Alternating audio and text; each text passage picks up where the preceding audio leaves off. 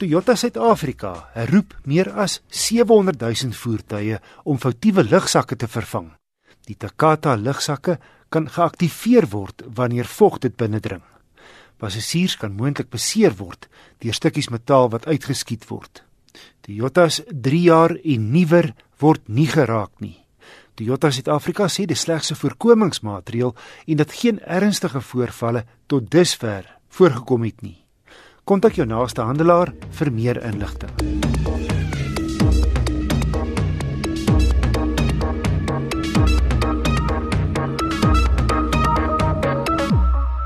Peugeot het vir die derde agtereenvolgende jaar die Dakar tydren gewen.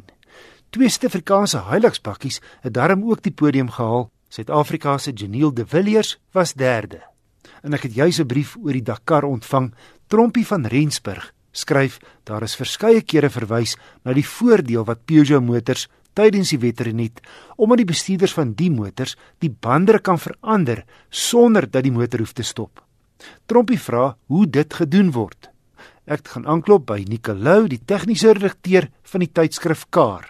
Wys al net 'n bietjie agtergrond as ons kyk na die Dakar resies, dan bepaal die reëls dat voertuie wat net tweewiel aangedrewe is, soos natuurlik nou die die Peugeot DKR Dynabesie van Carlos Sainz wat die wedren gewen het groter wiele mag gebruik en groter bande as voertuie wat dan permanent 4x4 is soos geneelde Villiers se Hilux.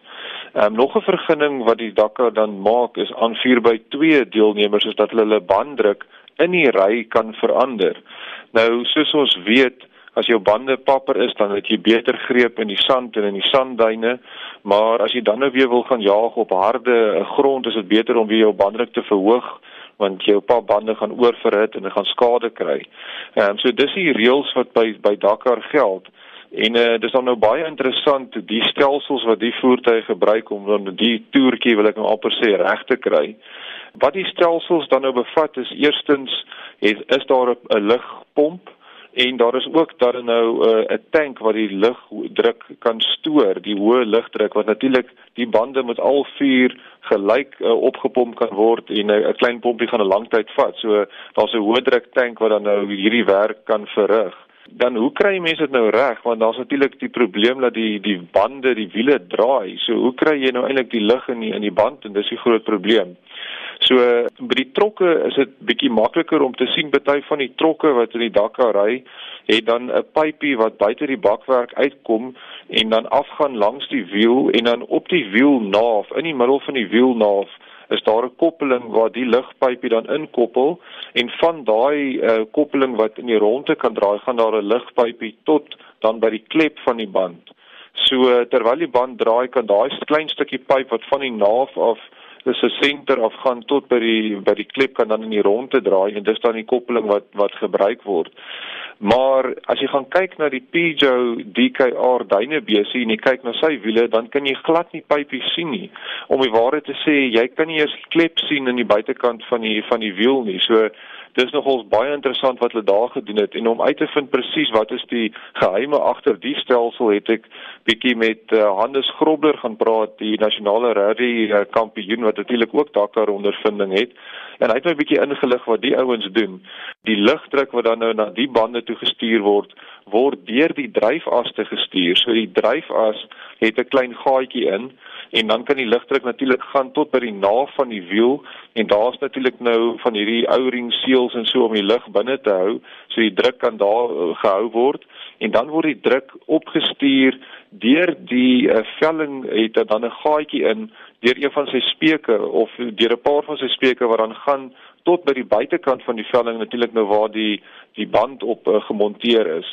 So daai hele stelsel is dan onder druk en uh, dat ek gesê het die hoë drukpomp hy ehm um, verskaf dan nou die die lug aan die die dryfaste wil ek amper sê. Die die lugdruk word natuurlik daar by die by die ewenaar waar die dryfas inkom, daar is ons ook seels en dan word dit basies deur die dryfas gestuur tot by die naaf en tot by die wiel.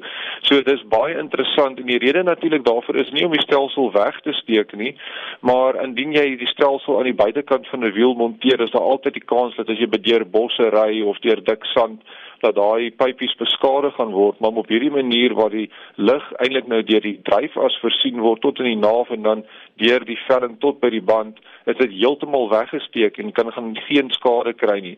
So dis die manier hoe hulle dit regkry sonder dat jy dit eers kan sien, kan hulle die banddruk dan verlaag en verhoog van binne die voertuig af. Nicolou die tegniese redakteur van Kar. Indien jy enige motornavrae het, stuur gerus vir my 'n e-pos. Die adres is wissel@rsg.co.za.